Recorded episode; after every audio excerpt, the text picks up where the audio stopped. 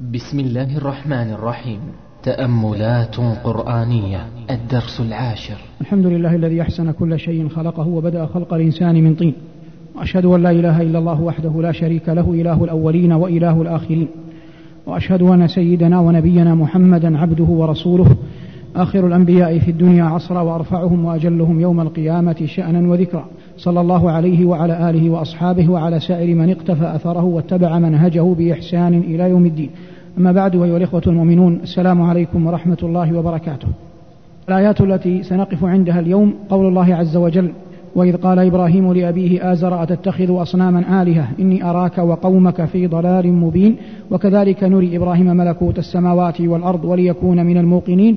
إلى ما بعدها من آيات ثم ننتقل إلى قول الله عز وجل ومن أظلم ممن افترى على الله كذبا أو قال أوحي إلي ولم يوحى إليه شيء ومن قال سأنزل مثل ما أنزل الله ثم نقول مستعينين بالله عز وجل إنه لما كانت السورة تتكلم عن العقيدة تتكلم عن عقيدة التوحيد التي بها بعث الله الرسل ومن أجلها أنزل الله الكتب ذكر الله جل وعلا في هذه السورة إمام الموحدين خليل الله إبراهيم عليه الصلاة والسلام فإبراهيم عليه الصلاة والسلام أبو الأنبياء وشيخ الحنفاء ونسب الله جل وعلا الملة إليه في كتابه.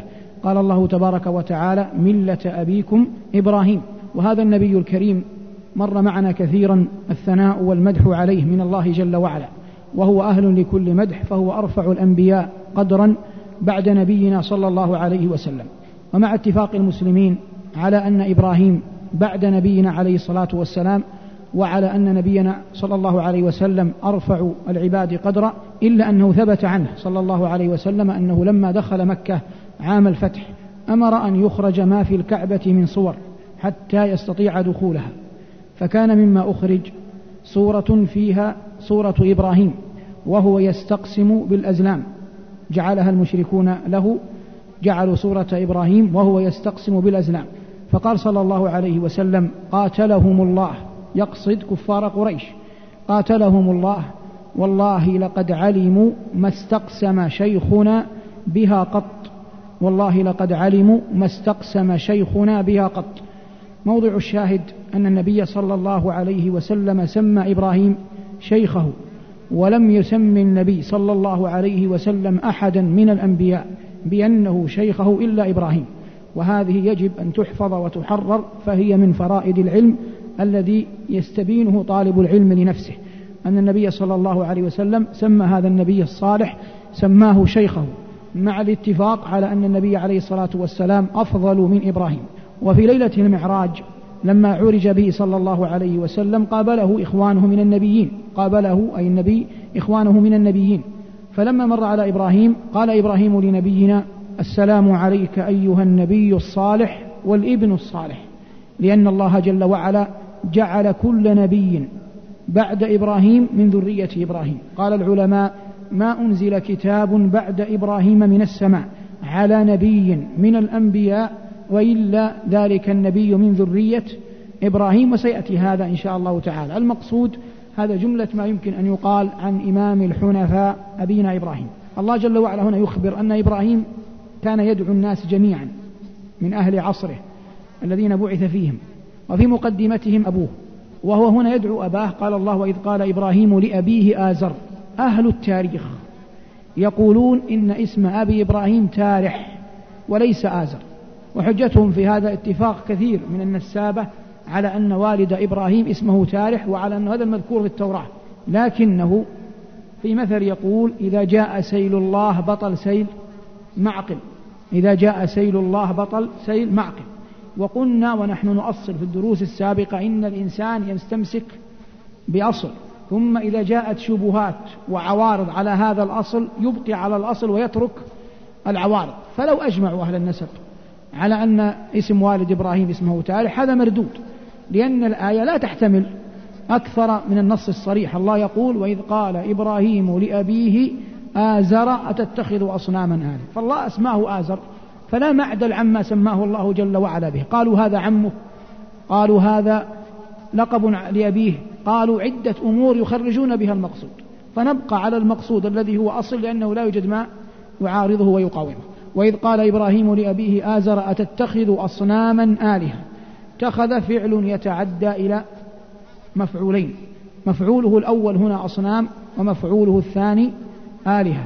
فتتخذ أصناما آلهة؟ ويمكن أن تقول معنى الآية تتخذ آلهة أصناما وكلا المعنى صحيح لكن القرآن نزل تتخذ أصناما آلهة. فهذا إبراهيم يعيب على أبيه أن يعبد الأصنام ويترك عبادة الله الواحد القهار. فتتخذ أصناما آلهة؟ إني أراك وقومك في ضلال مبين. وهذا الخطاب الذي قاله إبراهيم عليه الصلاة والسلام لأبيه جاء مبينا في سور عدة في آيات أخرى بين الله جل وعلا فيها الأسلوب الدعوي الذي كان يخاطب به إبراهيم أباه سلام عليك يا أبت كما جاء في سورة مريم كلها دلالة على أن الإنسان يجب أن يعلم وهذا ما تبينه الآيات التي تليها أننا نحن المسلمون ندعو إلى شيء واحد هو ماذا؟ توحيد الله ودين الإسلام فلا يختلف ما ندعو إليه لكن ما الذي يختلف؟ طرائق الدعوة. فالإنسان يدعو ويتغير أسلوبه بحسب حال من؟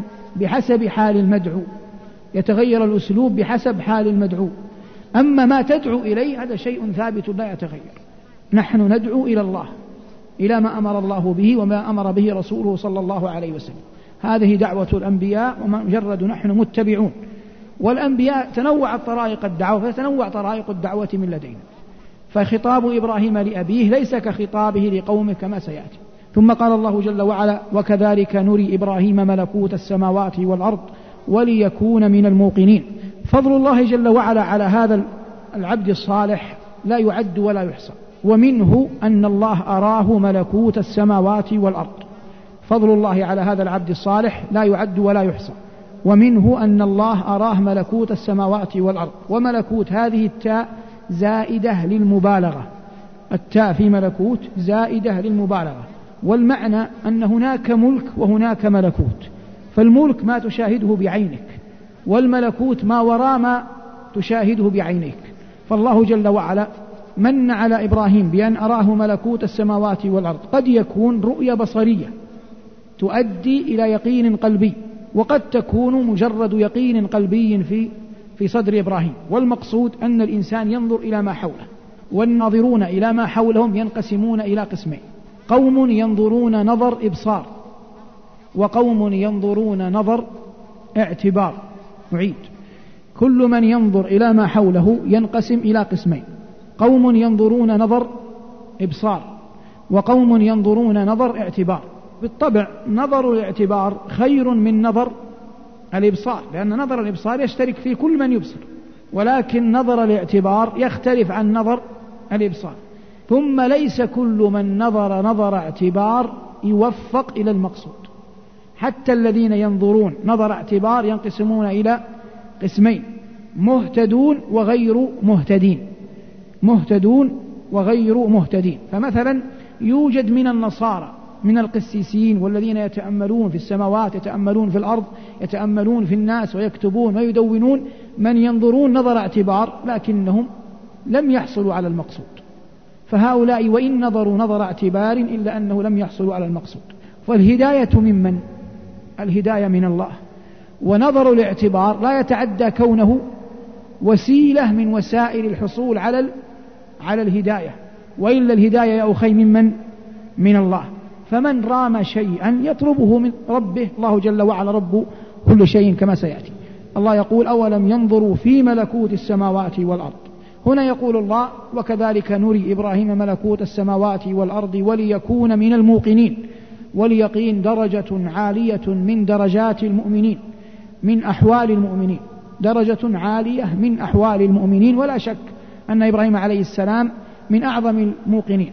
هذه وليكون من الموقنين تبقى أصل ولا فرع؟ أصل. لأن الله قالها نصا وليكون من الموقنين. سيأتي الحديث عنها الآن. ثم قال الله جل وعلا بعدها وكذلك نري إبراهيم ملكوت السماوات والأرض وليكون من الموقنين. فلما جن عليه الليل رأى كوكبا قال هذا ربي. فلما أفل قال لا أحب الآفلين. فلما رأى القمر بازقا قال هذا ربي. فلما أفل قال لئن لم يهدني ربي لأكونن من القوم الضالين. فلما رأى الشمس بازقة قال هذا ربي هذا أكبر. فلما أفلت قال يا قوم إني بريء مما تشركون. قبل أن نشرع في التفسير نقول لا يمكن أبدا أن يصدق قول من قال من المفسرين أن إبراهيم قال هذا على الحقيقة أن إبراهيم قال هذا على الحقيقة وأن هذا قاله في طفولته هذا أمر لا يمكن أن يعقل لماذا؟ لأن الله سمى إبراهيم في كتابه أنه إمام للحنفاء وقال عنه أنه من الموقنين وأن القرآن والسنة تواترت على أن هذا العبد الصالح من أعظم من يقن بالله فكيف ينسب له الشرك في مرحلة من مراحل عمره؟ لا يعقل. لكن القضية أن إبراهيم عليه الصلاة والسلام قال هذا كله في موضع المناظرة والمحاجة مع قومه. واضح؟ قال هذا كله في موقف المناظرة والمحاجة مع قومه. فلما جن عليه الليل رأى كوكبا قال هذا ربي كان كوكب الزهرة لم يقصد أن يقول أنه ربه يقينا. يستحيل أن يطبق هذا على إبراهيم. وقلنا من القواعد تأخذ أصلا ثم ما جاء من شبهات وعوارض تفندها بثباتك على على الأصل. فالتفنيد يكون بأننا نقول إن إبراهيم عليه السلام قال هذا في موضع المناظرة والمحاجة إلى قومه وقد قلنا إن طرائق الدعوة تختلف مع الناس. فكان ثلة من قومه لا يعبدون الأصنام يعبدون الكواكب يعبدون المشتري والشمس والقمر وفريق يعبدون الأصنام. تعامل مع كل فريق بطريقة معينة. أهل الأصنام ذهب إلى الأصنام وهدمها أما أهل الكواكب ليس له سبيل على الكواكب حتى يهدمها. فتعامل معهم بعقلياتهم قال الله فلما جن عليه الليل جن بمعنى غشاه. ولذلك سميت الجنة جنة وسمي الطفل في بطن أمه جنينا وسميت الجن جن لأنها لا ترى بالأعين كل ما غاب واستتر وتغطى يسمى يدخل في مادة جنة. هنا الله يقول فلما جن عليه الليل رأى كوكبا والكواكب لا ترى في النهار. فلما رأى كوكبا قال لمن حوله بأسلوب يبين له أنه يريد أن يصل معهم إلى الحق. قال هذا ربي. فلما أفل قال لا أحب الآفلين. بالطبع إبراهيم رأى الكواكب مئة مرة قبل هذا اليوم. كل يوم يرى الكواكب تأفل ويرى القمر يأفل ويرى الشمس تأفل. لكن هو الآن يتعامل مع ناس هذه عقلياتهم. فلما جن عليه الليل رأى كوكبا قال هذا ربي. يقال إنه الزهرة أي الذي يعنينا أنه كوكب. قال هذا ربي فلما أفل قال لا أحب الآفلين. يعني يقول لهم لا يصلح أن يكون رب يسير ويؤمر ويحرك من مكان إلى مكان. فلما رأى القمر بازغا طبعا في اليوم التالي قال هذا ربي. فلما أفل هم ينظرون كيف ردة فعل إبراهيم. هو يريد أن يشعرهم أن واحد منهم يبحث عن الحق حتى يشعروا أنه غير متسلط عليهم. قال هذا ربي. فلما أفل ما قال لا أحب الآفلين لأن هذه مرت جاب شيء جديد. قال لئن لم يهديني ربي لأكونن من القوم الضالين حتى يبين لهم أنه متعطش أعظم العطش والظمأ إلى الهداية. لئن لم يهدني ربي لأكونن من القوم الضالين. جاء اليوم الثالث مع الصبح ظهرت الشمس. فلما رأى الشمس بازغة قال هذا ربي هذا أكبر حتى يهيئهم للجواب فلما أفلت قال يا قوم إني بريء مما تشركون. ولم يقل ابرأوا مما تشركون. قال إني بريء مما تشركون. ولم يقل ابرأوا مما تشركون. والسبب أن الإنسان لا يقبل الناس منه شيء في الغالب حتى يطبقه على على نفسه. فللناس يأخذون علم من يرونه يأخذ بالعلم على نفسه. وإن كان هذا ليس فيه حجة للناس لكن الناس إنما يتبعون في الغالب من يرون أنه يطبق ما يدعوهم إليه. كما قال العبد الصالح على مؤمن آل فرعون ولا ما أريد أن أخالفكم إلى ما أنهاكم عنه. كما قال شعيب وقال غير ذلك متكرر في القرآن. فالمقصود قال إني بريء مما تشركون. فالآن بريء من مما يشرك به قومه وهم الأصنام. أصبح الناس ينتظرون منه. طب أنت تبرأت مما نشرك. ستعبد من؟ قال إني وجهت وجهي للذي فطر السماوات والأرض حنيفا وما أنا من المشركين. وجهت وجهي للذي فطر السماوات والأرض. لم يقل عليه السلام وجهت وجهي لمن خلق الشمس والقمر والنجوم التي كان يحاج بها. وإنما شمل كل المخلوقات أدرجها لأن الله رب المخلوقات جميعا قال إني وجهت وجهي للذي فطر السماوات والأرض حنيفا وما أنا من المشركين. فهو عليه السلام كما قلنا إمام الحنفاء وشيخ الأنبياء وإليه تنسب الملة. تنسب إليه الملة وكان شيخ الحنفاء لأربعة أمور. أولها أنه جعل ماله للضيفان والثاني أنه جعل بدنه للنيران والثالث أنه جعل ولده للقربان والرابع أنه جعل قلبه للرحمن. والثلاثة الأول مندرجة في الأخير نقول ثم قال وما أنا من المشركين. مع هذا كله لم يقتنع قومه. قال الله جل وعلا وحاجه قومه. أخذوا يحاجونه فيما يقول. وحاجه قومه فرد عليهم. قال أتحاجوني في الله وقد هدان. أي كيف يقبل كيف يعقل أن أقبل أقوالكم الباطلة وآراءكم الفاسدة؟ والله جل وعلا قد من علي بالهداية. وأصلا العاقل لا يترك الحق من أجل الباطل ولا يترك الشيء البين الواضح من أجل الشيء المختلط الفاسد. هذا لا يفعله صغار العقلاء. فما بالك بشيخ الأنبياء عليه السلام؟ قال الله وحاجه قومه قال أتحاجوني في الله وقد هدان ولا أخاف ما أشركتم إلا أن يشاء ربي شيئا وسع ربي كل شيء علما أفلا تتذكرون؟ وهذه أفلا تتذكرون لوحدها تدل على بلاغة القرآن. شوف يا بني لما تقول لإنسان تذكر معناه أن الشيء هذا يعرف من قبل أو لا يعرفه؟ يعرفه. لكن تعلم غير تذكر واضح؟ تذكر غير تعلم. تعلم شيء جديد لكن تذكر شيء لك علاقة به من قبل. فالعقائد توحيد الله جل وعلا شيء مفطور في النفوس. فقال لهم صلوات الله وسلامه عليه أفلا تتذكرون؟ يعني مجرد لو رجعتم لأنفسكم قليلا تذكرتم الشيء الذي فطره الله في قلوبكم لعرفتم أنه لا رب غيره ولا إله سواه. واضح؟ أنه لا رب غيره ولا إله سواه. هذا يدل على أن عقيدة التوحيد أمر مفطور على النفوس يعرفه كل أحد إذا من الله جل وعلا عليه بالهداية. أفلا تتذكرون؟ ثم قال وكيف أخاف ما أشركتم؟ ولا تخافون أنكم أشركتم بالله ما لم ينزل به عليكم سلطانا فأي الفريقين أحق بالأمن إن كنتم تعلمون الذين آمنوا ولم يلبسوا إيمانهم بظلم أولئك لهم الأمن وهم مهتدون مجمل الآية معناها يقول أنا إبراهيم اتبعت وعبدت من بيده الضر والنفع وأنتم تعبدون من ليس بيده لا ضر ولا ولا نفع فمن الذي مفروض يخاف هم لما عبد الله قالوا نخاف عليك من آلهتنا نخاف عليك من أصنامنا نخاف عليك من الشمس نخاف عليك من القمر نخشى عليك من النجوم. فالله يعلمه أن يقول لهم كما قال إبراهيم لهم وكيف أخاف ما أشركتم؟ يعني كيف أخاف أنا من الذين أشركتم من أصنامكم وأنتم لا تخافون من الله؟ مع أن المفروض الذي يخشى منه من؟ الله لأن بيده الضر والنفع. أما أصنامكم هذه لا تضر ولا تنفع ولا تقدم ولا تؤخر وكل من عبد من غير الله لا يقدم ولا يؤخر ولا يضر ولا ينفع هذه الأمور كلها بيد الله.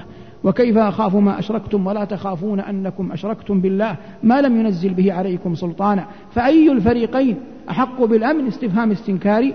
فأي الفريقين أحق بالأمن إن كنتم تعلمون؟ ثم جاء الجواب الذين آمنوا ولم يلبسوا إيمانهم بظلم أولئك لهم الأمن وهم مهتدون. هذه الآية لما نزلت شق ذلك على الصحابة كما روى البخاري وغيره. فقالوا يا نبي الله وأينا لم يظلم نفسه قط؟ فقال النبي صلى الله عليه وسلم ليس بالأمر الذي تعنون أو تذهبون إليه إنما الأمر كما قال العبد الصالح إن الشرك لظلم عظيم.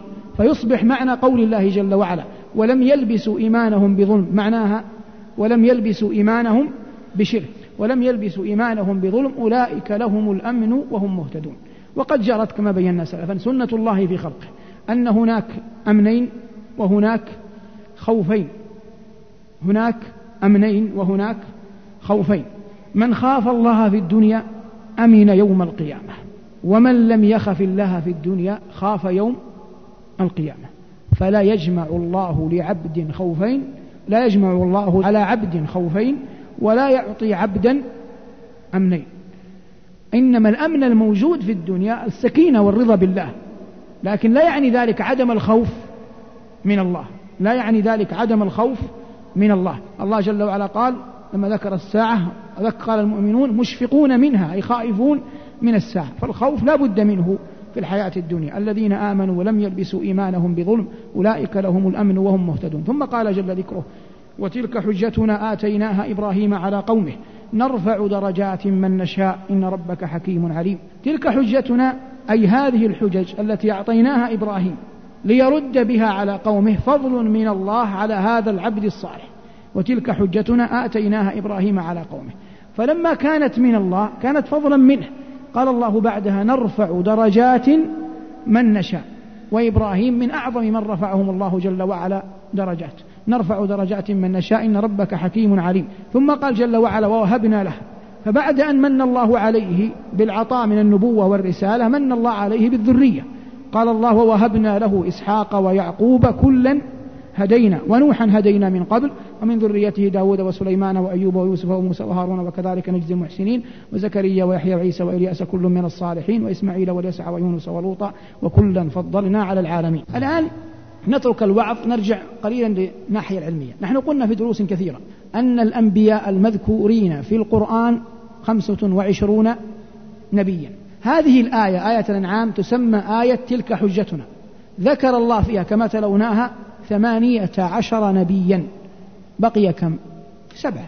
هيا هاتوا السبعة الباقون أسماء سبعة من الأنبياء. إحنا قلنا أن الأنبياء المذكورين في القرآن حتى يكون درس علمي. خمسة وعشرون. في القرآن منصوص على أسمائهم. منهم ثمانية عشر ذكرهم الله في تلك حجتنا لتو تلوناها باقي سبعة لم يذكرون في سورة الأنعام. حتى يصبح المجموع خمسة وعشرين. أتني بنبي لم يذكر في الثمانية عشر. نعم، موسى ذكر. أعيد الآيات أنا حتى لا يصبح تلخبط وتلك حجتنا آتيناها إبراهيم على قومه نرفع درجات من نشاء. إن ربك حكيم عليم. ووهبنا له إسحاق ويعقوب كلا هدينا.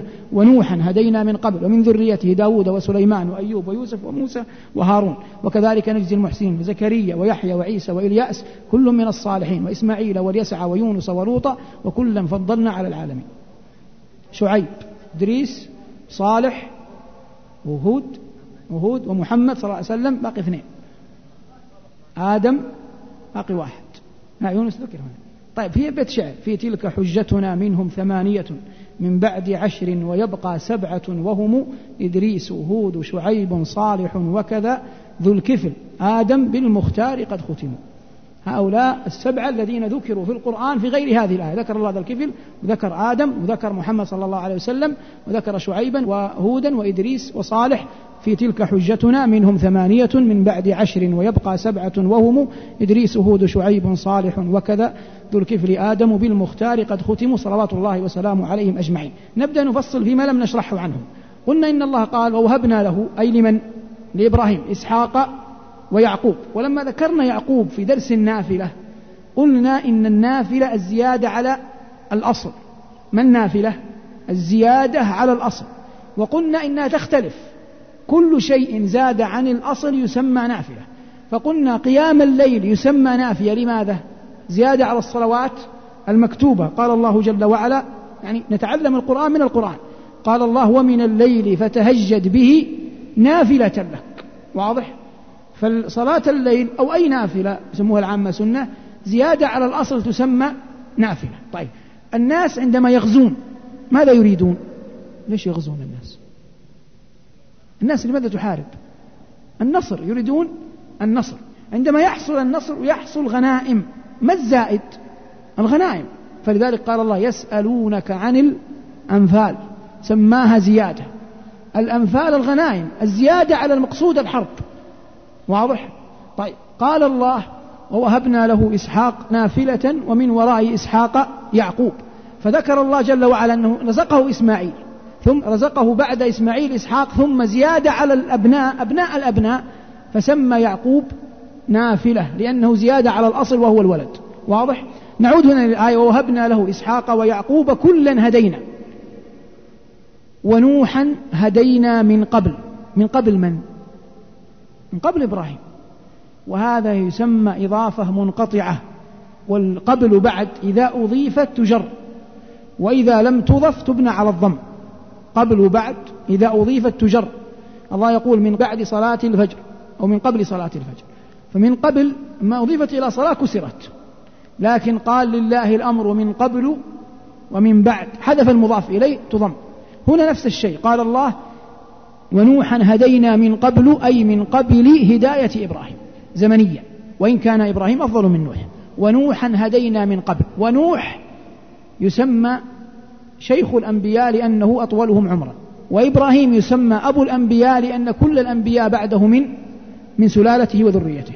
ونوحا هدينا من قبل ومن ذريته داود وسليمان إلى آخر الآيات. هذه ومن ذريته موضع إشكال. لماذا؟ لأنه لا يدرى تعود على نوح أو تعود على إبراهيم. لا يدرى هل تعود على نوح أو تعود على إبراهيم. وأنا قلت سأترك الوعظ الآن. ومن ذريته إذا قلنا إنها تعود إلى نوح يؤيدها أمران. يؤيد أنها تعود إلى نوح أمران. الأول أن قواعد اللغة تقول أن الضمير يعود إلى أقرب مذكور. قواعد اللغة تقول إن الضمير يعود إلى أقرب مذكور. وأيهم أقرب مذكور؟ نوح. والأمر الثاني ما هو؟ شوف قال الله من ذريته داود وسليمان وأيوب ويوسف وموسى وهارون. وكذلك نجزي المحسنين وزكريا ويحيى وعيسى وإلياس كل من الصالحين. في الآية الثالثة هي وإسماعيل واليسع ويونس ولوطا وكلا فضلنا على العالمين. قالوا إن لوط بالاتفاق ليس من ذرية إبراهيم ابن أخيه. لوط ابن هاران وهاران أخو إبراهيم. لوط ابن هاران أخو إبراهيم. فمن حيث النسب الصريح لوط ليس ابنا لإبراهيم إنما ابن أخيه. فقالوا هذان دليلان على أن المقصود نوح. طيب يبقى إيش؟ جواب. الجواب عليها قالوا الذين قالوا إن من ذريته طبعا لا يوجد مرجح. الذين قالوا إن من ذريته عائدة إلى إبراهيم قالوا إن الآيات أصلا في مقام الثناء على من؟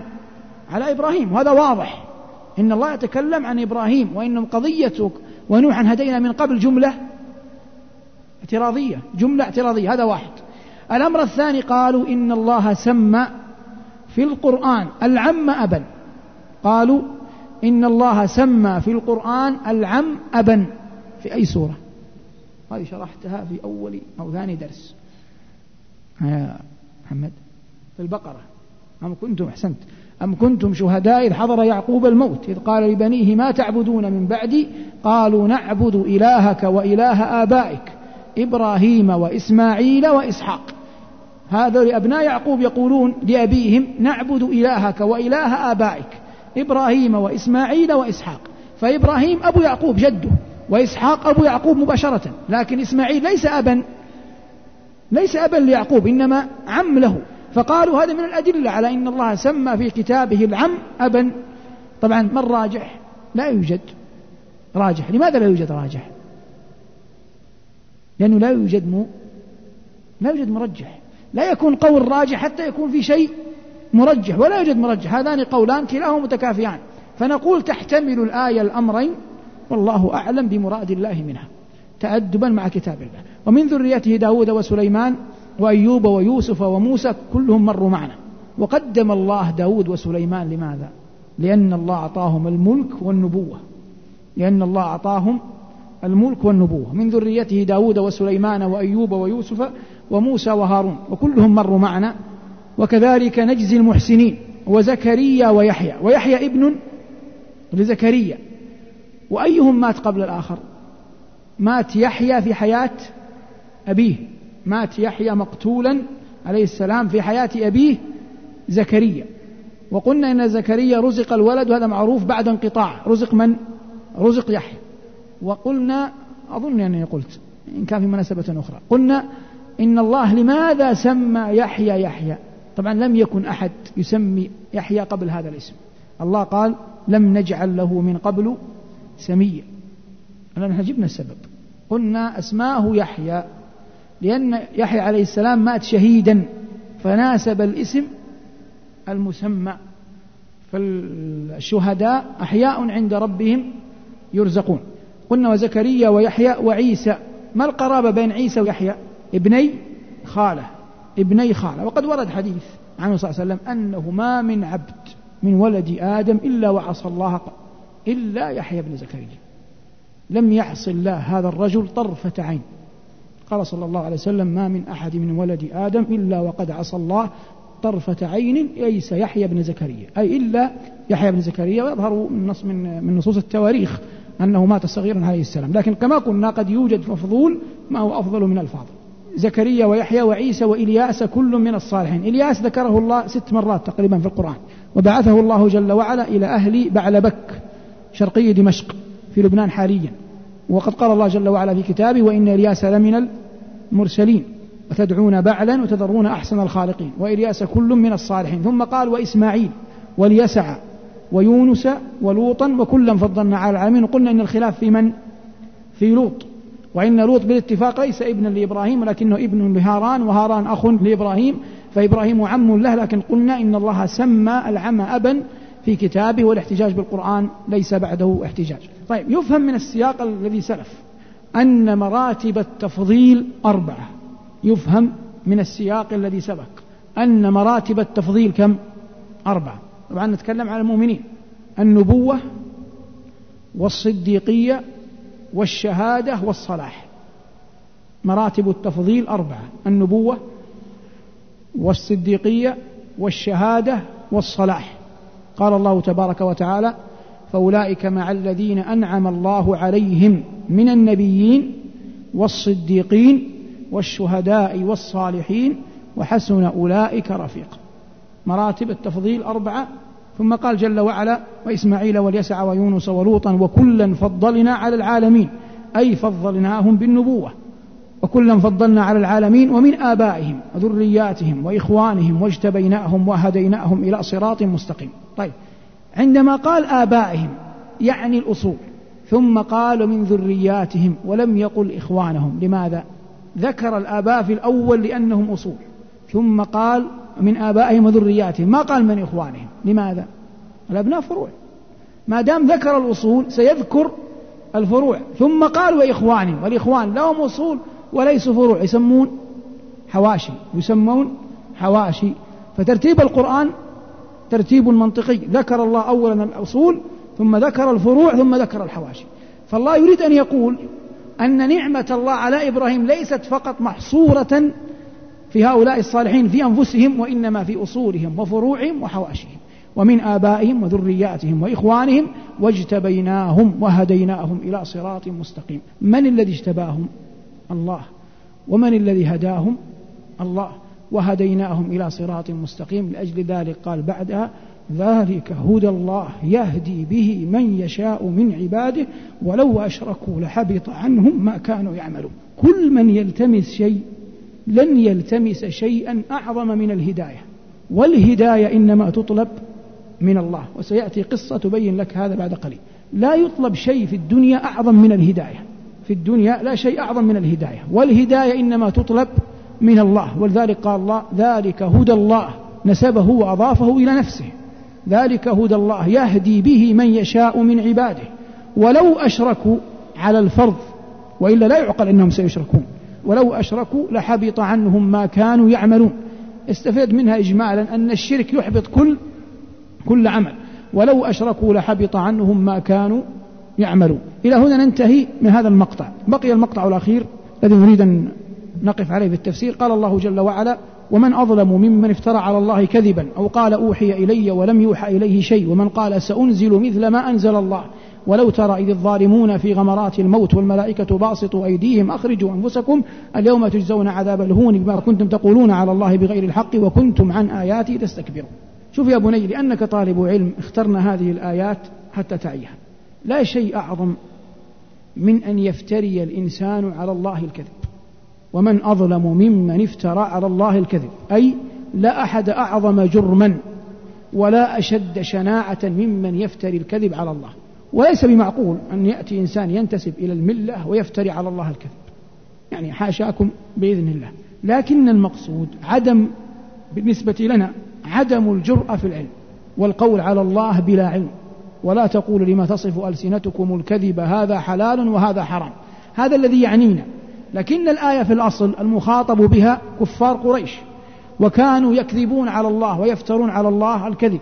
وينسبون إلى الله جل وعلا ما لم يقله الله ولم ينزله على أحد. فأخبرهم الرب جل وعلا أن هذا ظلم شنيع وتحد عظيم وأنه لا أحد أعظم فرية من ذلك. ومن أظلم ممن افترى على الله كذبا أو قال أوحي إلي ولم يوحى إليه شيء ومن قال سأنزل مثل ما أنزل الله. يدخل في هذا مسيلمة ويدخل فيها الأسود العنسي إلا أنه تبقى قصة. من الذين أسلموا قديما صحابي اسمه عبد الله بن سعد بن أبي السرح. وهذا الرجل أرضعته أم عثمان رضي الله عنه فهو أخو عثمان ممن من الرضاعة. هذا لما أسلم كان يحسن الكتابة. فجعله النبي صلى الله عليه وسلم كاتبا للوحي. فلما أنزل الله سورة المؤمنون على الحكاية وفيها ولقد خلقنا الإنسان من سلالة من طين ثم جعلناه نطفة في قرار مكين الرسول يتلوها وهذا ماذا؟ يكتب. حتى وصل إلى قول الله جل وعلا ثم أنشأناه خلقا آخر. فكتبها. قبل أن يمليه الرسول قال تبارك الله أحسن الخالقين. فقال النبي صلى الله عليه وسلم هكذا أنزلت علي فتبارك الله أحسن الخالقين. دخله في ذلك الحقبة زلة غر بنفسه فترك كتابة الوحي وقال إن كان محمد صادقا فيما يقول فأنا يوحى إلي كما يوحى إليه. وإن كان محمد كاذبا فيما يقول فأنا أقول كما يقول. وترك الإسلام والتحق بكفار قريش ولذلك قال الله ومن قال سأنزل مثل ما أنزل الله. لكن الله يعلم أزلا أنه سيتوب فلم يسمه باسمه الصريح في القرآن. فلما ذهب إلى مكة حصل فتح مكة في العام الثامن. ودخلها النبي صلى الله عليه وسلم وأخبر عن رجال. فأمر بقتل عبد الله بن خطل ورجل آخر وعبد الله بن سعد وعكرمة ولو كانوا متعلقين بأستار الكعبة. فأما عبد الله بن خطل تعلق بأستار الكعبة فلم تنجيه وقتل. ورجل آخر يقال له ابن يسار قتل في السوق. وعكرمة وعبد الله بن سعد هذان فرا. فذهب عثمان رضي الله عنه إلى أخيه من الرضاعة الذي هو عبد الله. وطلب منه أن يدخل به ليأمن له من رسول الله صلى الله عليه وسلم. فدخل عثمان رضي الله عنه وأرضاه بأخيه عبد الله على النبي صلى الله عليه وسلم ورسول الله كاره لتوبته لأنه قال ما قال. فطلب عثمان الأمان لعبد الله فسكت صلى الله عليه وسلم طويلا قبل أن يعطيه الأمان رجاء أن يقوم أحد فيقتله. قبل أن يعطيه فلم يقم أحد. لم يفطن الصحابة لهذا ليمضي قدر الله. ثم قال صلى الله عليه وسلم نعم فأعطى عثمان الأمان. فلما خرج قال عليه الصلاة والسلام لقد أطلت الصمت رجاء أن يقوم أحدكم فيقتله فقال رجل من الأنصار هل أومأت لي يا رسول الله؟ قال إنه لا ينبغي لنبي أن يكون له خائنة أعين صلوات الله وسلامه عليه. حتى نرجع القليل. قبل قليل نقول ذلك هدى الله يهدي به من يشاء. حتى تعلم أن القلوب كلها بيد الله يفعل بها ما يشاء. هذا الذي حصل من هذا أسلم وحسن إسلامه. فلما كانت ولاية عثمان رضي الله تعالى عنه أصبح أميرا للمؤمنين جعل عبد الله بن سعد هذا واليا على مصر. وهو الذي قاد معركة ذات الصواري وهي أول معركة حربية في الإسلام. وكان كثير من فتح بلدان إفريقية على يديه. ثم لما رجع جاءت الفتنة بين علي ومعاوية. فاعتزلها ولم يبايع لا لعلي ولا لمعاوية وسكن في الرملة المدينة المعروفة في فلسطين. ثم مكث فيها ما شاء الله إلى قبل انتهاء ولاية علي. ثم إنه ذات يوم قال اللهم اقبضني إليك في صلاة الصبح. فصلى بالناس صلاة الصبح. قرأ في الأولى في الفاتحة والعاديات ضبحا. وقرأ في الثانية لم يضبطها الرواة. ثم سلم التسليم الأولى. ومات قبل أن يسلم التسليم الثاني. هذا كله يدل على أن القلوب يا أخي بيد الله. وقد يكون الإنسان متلبس بالمعصية. وقد يكون الإنسان يحب أن يهتدي. وأنا أرى في الدرس اليوم شبابا مباركين أسأل الله أن يهدينا وإياهم سواء السبيل. هذا كله عندما يأتي الإنسان إلى بيت من بيوت الله أنت لو رحت لقصر واستطعت تدخل للقصر يستحي الأمير أن يردك ومعك شيء. أهو بشر. فكيف وقد دخلنا أجمعين بيت أرحم الراحمين؟ فأنت في صلاتك هنا في دعائك في استغفارك ليكن قلبك متعلقا بالله. تطلب من الله الهداية تطلب من الله غنى النفس تطلب من الله الرحمة تطلب من الله التوفيق تطلب الله أن يرزقك حسن الخاتمة تطلب من الله أن يقيك عذاب القبر أن يقيك عذاب النار تطلب من الله أعظم المطالب دخول الجنة. والمقصود كلما آمن الإنسان أن الهداية والرحمة والفضل والإحسان بيد الله وطلبها بقلبه قبل أن يطلبها بلسانه أعطاه الله جل وعلا إياها. لكن لا تستعجل وكن صادقا مع ربك يصدقك الله تبارك وتعالى. ثم قال الله جل وعلا هذا السياق الأول من الآية. ثم قال الله جل وعلا ولو ترى إذ الظالمون في غمرات الموت والملائكة باسطوا أيديهم أخرجوا أنفسكم اليوم تجزون عذاب الهون. هذا تصوير لكيفية نزع روح أهل الإشراك. وقد مر معنا كثيرا والمقصود أن قبض الأرواح موكل به ملائكة وأن النفس إما أن تكون مؤمنة وإما أن تكون كافرة. ولأن الكفر والإيمان لا يستويان فطبيعة الحال لا يستوي قبض روح المؤمن وقبض روح الكافر. والله يصور هنا قبض أرواح الكفار. والغمرة في اللغة لجج الماء. الغمرة في اللغة لجج الماء التي تغطي صاحبها. والإنسان يضربه الموج غمرات الماء تنقله من مكان إلى مكان يصيبه الخوف الشديد والرعب. فالله جل وعلا يقول إن هؤلاء الكفار تتخبط روحهم في أجسادهم قبل أن تخرج. والملائكة تضربهم وتقول لهم أخرجوا أنفسكم أي جدوا لأنفسكم خلاصا ومنجا ومخرجا إن استطعتم ولا يجدون لا هم ولا من يحيط بهم. أخرجوا أنفسكم اليوم تجزون عذاب الهون. وليس المقصود أنه ليس بعده عذاب لكن هذا أول مراحل أول مراحل العذاب. اليوم تجزون عذاب الهون عذاب الذلة عذاب الصغار ثم ذكر السبب. عذاب الهون بما كنتم تقولون على الله غير الحق وكنتم عن آياته تستكبرون. والاستكبار عن آيات الله أعظم طرائق الموصلة إلى الضلالة كما أن انسياق القلب وانقياده للرب تبارك وتعالى اللين فيه أعظم ما يجعله سببا في أن ينال الإنسان به رحمة الله تبارك وتعالى. اللهم إنا نسألك بأسمائك الحسنى وصفاتك العلى ورحمتك التي وسعت كل شيء أن تهدينا أجمعين سواء السبيل وأن تختم لنا بخير وأن تجعل الجنة دارنا وقرارنا إنك سميع مجيب. هذا وصلى الله على محمد وعلى آله والحمد لله رب العالمين. تأملات قرآنية.